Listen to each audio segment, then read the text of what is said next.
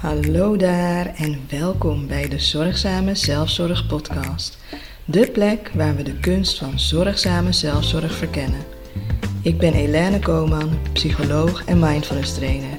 En samen duiken we diep in die grote uitdaging van jou als zorgprofessional en hulpverlener. Die zorg voor jezelf. Abonneer je nu op de Zorgzame Zelfzorg Podcast en laten we samen een reis maken die jouw welzijn centraal stelt. Hi en welkom bij de Zorgzame Zelfzorg Podcast. Heb je geluisterd naar de vorige aflevering over zelfliefde? Mocht je dat nog niet gedaan hebben, uh, doe dat dan snel. Ik ben Helene Koman. Ik ben uh, psycholoog en mindfulness trainer. En in deze aflevering wil ik het met je hebben over de omgeving, jouw omgeving en de invloed daarvan op, uh, op jouw welzijn. Want bij zelfzorg gaat het ook om je omgeving. Um, wie of wat laat jij toe in jouw omgeving? En is dat goed voor jou? Is dat iets waarvan je zou zeggen: ja, ik zorg daarbij goed voor mezelf? Um, maar mocht dat niet zo zijn, wat maakt dan dat je toch blijft in zo'n omgeving? Hè? En omgeving is natuurlijk best breed. Als we het over omgeving hebben, dan uh, kun je het hebben over je directe omgeving, hè? echt directe, directe omgeving, zoals bijvoorbeeld waar je woont, uh, of waarin je woont, je huis zelfs al. Hè? Uh, maar het kan ook gaan over um, de mensen om je heen, je vrienden, uh, je sociale netwerk, sociale contacten. Het kan gaan over waar je ja, iedere dag naartoe gaat, je werk. Maar het kan ook gaan over uh, waar je woont in de zin van in welk plaatsje of welke stad. Of misschien zelfs in welk land je woont. Zo hoor je al, hè, zijn uh, hele diverse onderdelen van die uh, omgeving. En in de meest ideale situatie, denk ik, bevind je je in een omgeving die veilig voelt voor jou.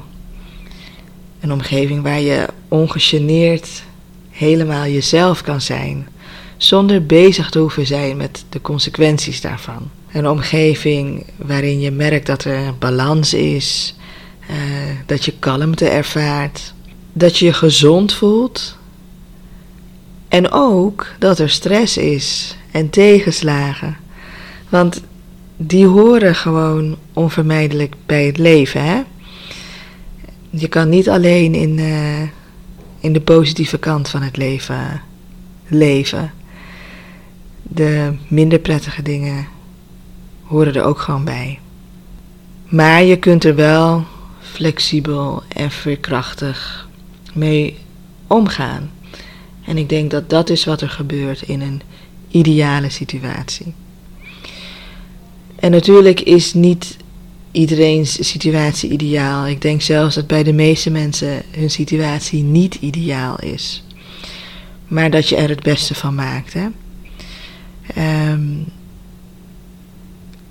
ja, in die ideale situatie horen denk ik ook mensen die, die jou stimuleren uh, in jouw directe omgeving. Hè? Mensen die jou steunen, die jou accepteren, gewoon zoals je bent. En bij een werkplek geldt denk ik gewoon precies hetzelfde. Dat is daarin niet heel anders. Hè? Dat het ook een veilige plek moet zijn, dat je geaccepteerd moet zijn. Um, of geaccepteerd moet worden. Hè, dat je die balans daar merkt, et cetera. alle dingen die ik eerder noemde. En hoe ziet dat er bij jou dan uit? Als je bijvoorbeeld kijkt naar je directe omgeving, hè? welk gevoel levert dat je op? En laten we beginnen bij wat ik eerder zei, hè? je directe, directe omgeving, zeg maar, het huis waar je in woont. Welk gevoel levert dat je op?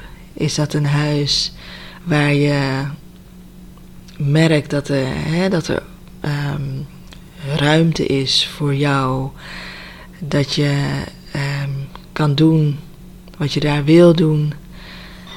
Dat je niet belemmerd wordt door bijvoorbeeld uh, chaos of onge ongeorganiseerdheid. Um, ja, ervaar je daar veiligheid en kalmte. Je kunt je misschien voorstellen dat op het moment dat er veel chaos is of dat je een heel rommelig huis hebt, dat dat invloed heeft op hoe je je voelt.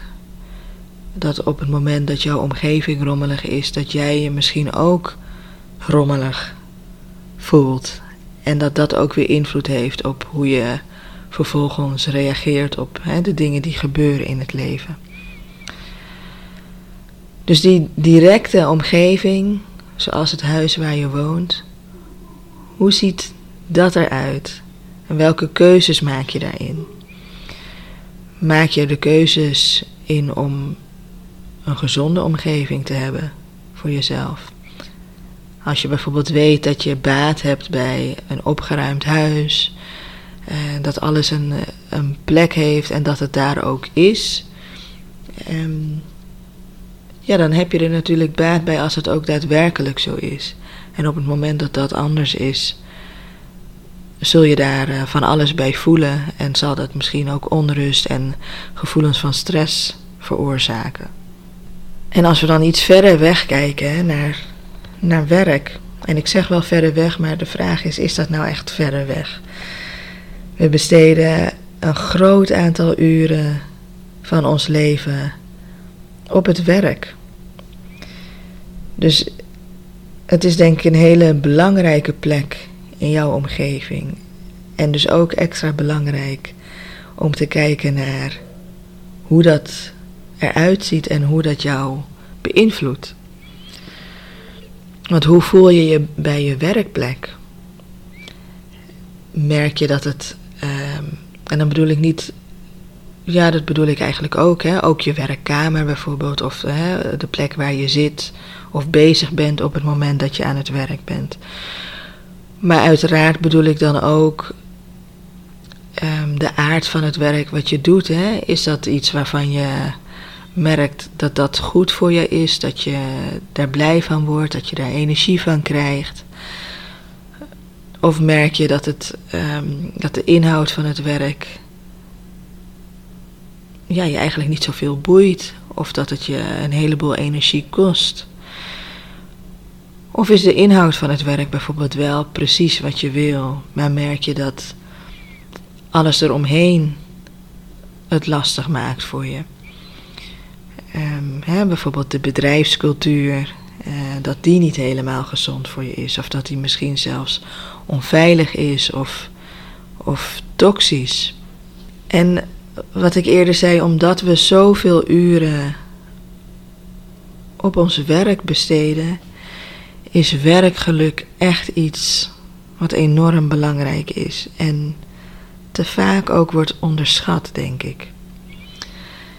Zelf heb ik bijvoorbeeld meegemaakt dat ik eh, jaren geleden aan het einde van mijn studie een bijbaantje had. Um, en die had ik naast mijn uh, stage. Ik had een stage van drie dagen in de week. Maar ik woonde ook op mezelf. Dus um, ik moest ook geld verdienen, want ik moest gewoon de huur betalen en uh, kunnen leven. Dus ik had een bijbaantje daarnaast en dat was uh, voor 24 uur.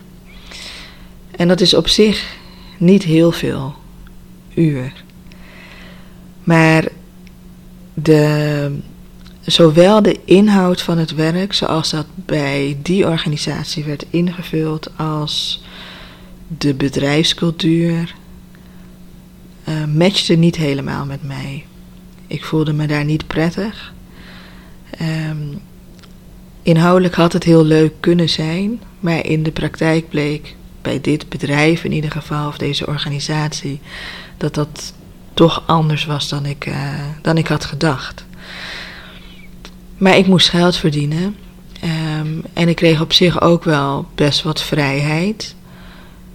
Ik kon zelf mijn uren invullen, dus die 24 uur verdeelde ik um, niet over drie dagen, maar die, die propte ik eigenlijk in twee dagen, zodat ik wel zoveel mogelijk. Ehm, ja, dat ik wel gewoon een, een, een werkweek van vijf dagen had en ook gewoon een weekend had, zeg maar, om, om bij te komen. En dat weekend uh, had ik ook echt nodig, hè.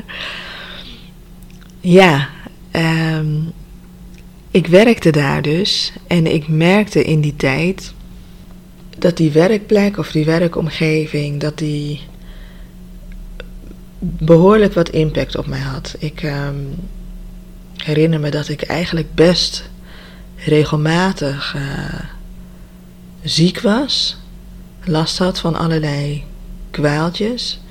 Dus het had uh, invloed op mijn, uh, ja, op mijn immuunsysteem. Um, ik was vaak moe.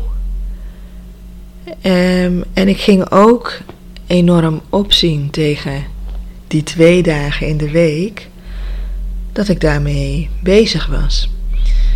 Want aanvankelijk zou ik denken van ja, het zijn maar twee dagen, dus dat valt enorm mee. Maar als het twee dagen zijn uh, waarbij je je niet prettig voelt, dan zijn het twee hele zware dagen. En dan heb je vijf hele dagen om daar tegen op te zien. dus vijf dagen waarbij je wel merkt van hé, hey, ja, dit is fijner, hier voel ik me goed. Um, ja, en dan weer die twee vervelende dagen, die twee zware dagen. Um, ik heb dat gelukkig niet heel lang gedaan, wel te lang denk ik dan achteraf. Um, vooral omdat ik op dat moment het gevoel had dat ik ook niet anders kon. Ik kon niet uh, stoppen met werken. Uh, en er was ook weinig ruimte om iets anders te zoeken, want ik was gewoon ook. ik was veel moe, ik had weinig energie. Um, en solliciteren kost toch best wat energie. Dus ik heb toen heel erg vanuit mijn eigen ervaring gemerkt hoe belangrijk um, dat werkgeluk is. En sindsdien is dat ook iets waar ik um, heel bewust mee bezig ben. En dat ook altijd adviseer als, als mensen um, het daarover hebben met mij. Dat ook je werk een, een keuze is. En dat je ook de keuze hebt om dat anders te doen. En anders doen kan dus gaan over inhoudelijk ander werk zoeken. Maar het kan ook gaan over hoe kan ik de omstandigheden eh, op de werkplek misschien wel anders benaderen of anders invullen. Zodat dat wel beter past bij wat ik eruit zou willen halen. En dat het dus wel ook beter is voor jouw eigen gezondheid. En als die werkplek niet helemaal in lijn ligt met jouw waarden en hoe jij zou willen dat het uh, aanvoelt, kun je altijd onderzoeken welke mogelijkheden je hebt hè, om verandering aan te brengen. En veel mensen kijken dan direct naar wat er allemaal niet kan. Uh, ja, dit is niet mogelijk, dat is niet mogelijk. Maar luister opnieuw naar wat ik zei. Kijk naar de mogelijkheden die je hebt om verandering aan te brengen. Dus niet naar wat er niet is, maar juist naar wat er wel is. De mensen in jouw omgeving zijn natuurlijk ook enorm belangrijk. En die, die is vaak lastig, hè, dit punt.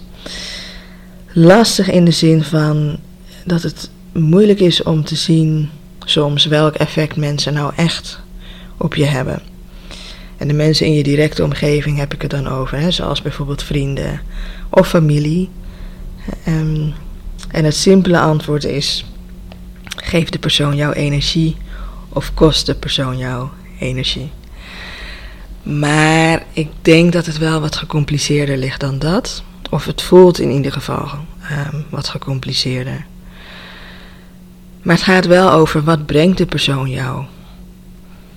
Biedt de persoon jou steun bijvoorbeeld wanneer je dat nodig hebt? Is het iemand waar je, waar je op kan rekenen? En dan bedoel ik op de zeg maar realistische manier. Hè? Dus niet dat de persoon alles moet laten vallen wanneer je belt. Want hè, die persoon heeft ook gewoon uh, een eigen leven, neem ik aan. En ook eigen problemen waarschijnlijk.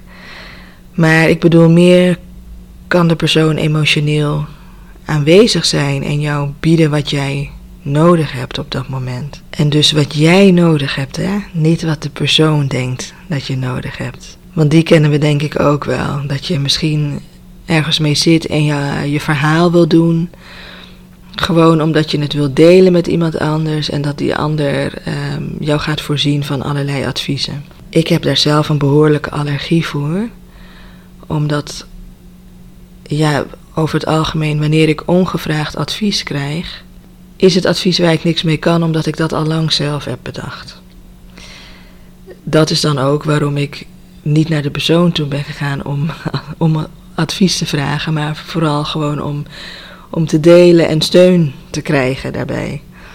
Um, op het moment dat ik het niet weet, zal ik heel concreet vragen van... wat zou jij me adviseren of wat zou jij doen? Um, het is dan heel duidelijk. Maar soms zijn mensen niet bezig met wat, wat jij nodig hebt, maar meer met wat zij denken dat je nodig hebt. En soms kan het dus ook zo zijn dat wanneer jij uh, iemand in je omgeving hebt, uh, hè, waar je iets mee deelt, wat je moeilijk vindt bijvoorbeeld, dat dat ook een hele onveilige situatie kan zijn. Dat je iets gevoeligs deelt en dat je bijvoorbeeld verwijten krijgt, juist op het moment waarop je kwetsbaar bent. Of dat je iets deelt wat je dan op een heel ander moment weer teruggeslingerd krijgt naar je hoofd. dat is heel onveilig. En is die, zijn dat gezonde relaties met de mensen in je omgeving? Of zijn het misschien eerder toch een beetje toxic relaties? En wat maakt dat jij bijvoorbeeld in toxic blijft hangen? Gaat het over dat je jezelf misschien niet meer gunt dan dat? Of dat je denkt dat je niet meer verdient dan zo'n soort relatie? Of vind je het misschien moeilijk om mensen te kwetsen en blijf je daarom maar ermee doorgaan, hè? ook al zijn ze misschien niet goed voor jou? Ongezonde relaties hebben invloed op jouw gezondheid, op je mentale en eventueel ook je fysieke gezondheid. En dat betekent natuurlijk niet dat je alles direct moet stoppen, maar wel dat je kan kijken ook weer naar hoe je dat eventueel anders in kan vullen. En misschien is dat wel door meer grenzen binnen die relatie te, te hebben. Of dat je zegt van, nou ja, ik zie de persoon nu wekelijks, maar dat kost me zoveel energie. Uh, dat je zegt van, nou, ik, ik, ik um, maak dat wat minder. Ik wil de persoon niet uit mijn leven hebben. Maar ja, dan is het misschien op dit moment gezonder voor mij om de persoon bijvoorbeeld minder vaak te zien. En daar dan een grens in te stellen. Hè? En dan heb ik ook eentje die misschien wat, uh, wat extremer klinkt. Je omgeving is ook waar je woont. En dan heb ik het in dit geval niet meer over het huis waar je woont, maar wel over bijvoorbeeld de stad waar je woont, of misschien zelfs het land waar je woont. En stel, jij bent iemand waarvan je zegt, nou ja, veel natuur, eh, bosrijke omgeving, dat is helemaal mijn ding. Daar krijg ik zoveel energie van, ik voel me daar zo goed. Maar je woont in een drukke hoofdstad, midden in het centrum. Nou, daar kun je denk ik wel heel goed bij voorstellen dat dat invloed heeft op hoe jij je op dagelijkse basis voelt en dat dat geen positieve invloed is. Um, en misschien heeft dat ook nog wel meer invloed dan je denkt. En ik denk dat dat ook geldt voor het land waar je, waar je in woont. En ik zeg dat natuurlijk omdat ik zelf ook van Nederland naar Suriname ben verhuisd of geëmigreerd. Um, het is een hele andere omgeving waar ik nu woon. Ik voel me hier prettiger. dus ja, misschien is dat wel iets wat je, wat je herkent. Hè? Dat je bijvoorbeeld iemand bent die van de ja, niet-westerse culturen is of van de niet-westerse gebruiken bijvoorbeeld. Maar ondertussen woon je in een dorpje in uh, Nederland, in het westerse Nederland. Nou ja, ook dat uh, heeft ook weer invloed. En natuurlijk begrijp ik hè, dat niet iedereen zo uh, 1, 2, 3 kan emigreren. Het is een grote stap die je niet, uh, ja, die je niet te lichtjes moet nemen. Maar aan de andere kant adviseer ik mensen wel altijd om daar goed over na te denken. Hè. Ik ken wel ook echt verhalen van mensen die bijvoorbeeld um, van psycholoog naar psycholoog gingen, omdat ze zoveel dingen hadden waar ze tegenaan lopen of waar ze in vastliepen. Um, misschien zelfs medicatie gebruikten om dat te ondersteunen. En die toen naar een ander land zijn gegaan en nooit meer een psycholoog nodig hebben gehad. En ook geen medicatie. He, die zich daar gewoon volledig stabiel voelde en in balans, omdat blijkbaar die omgeving en die cultuur en die gebruiken veel beter aansloot um, bij die persoon. Zo extreem kan het zijn. Je omgeving is dus altijd een keuze. En wat ik daarmee bedoel is dat jij er altijd voor kan kiezen om iets of iemand anders in jouw omgeving te hebben. Met een keuze bedoel ik niet, want ik, ik hoor zo'n reactie wel vaker dat op het moment dat iets een keuze wordt genoemd, dat dat dus meteen iets makkelijk zou moeten zijn. Hè? Nou, je kiest toch gewoon dit? Dat is niet wat ik bedoel. Wat ik bedoel is dat je kan, altijd kan kijken naar of je voor het ene pad kiest, maar dat er dus ook de mogelijkheid is om voor een ander pad te kiezen. Ook al voelt het misschien als, ja maar dit is wat ik moet doen, of dit is hoe het hoort. Je hebt altijd een keuze daarin.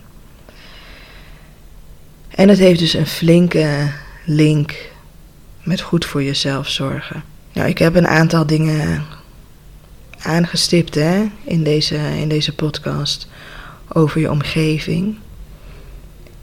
Ik uh, denk dat het even voldoende is.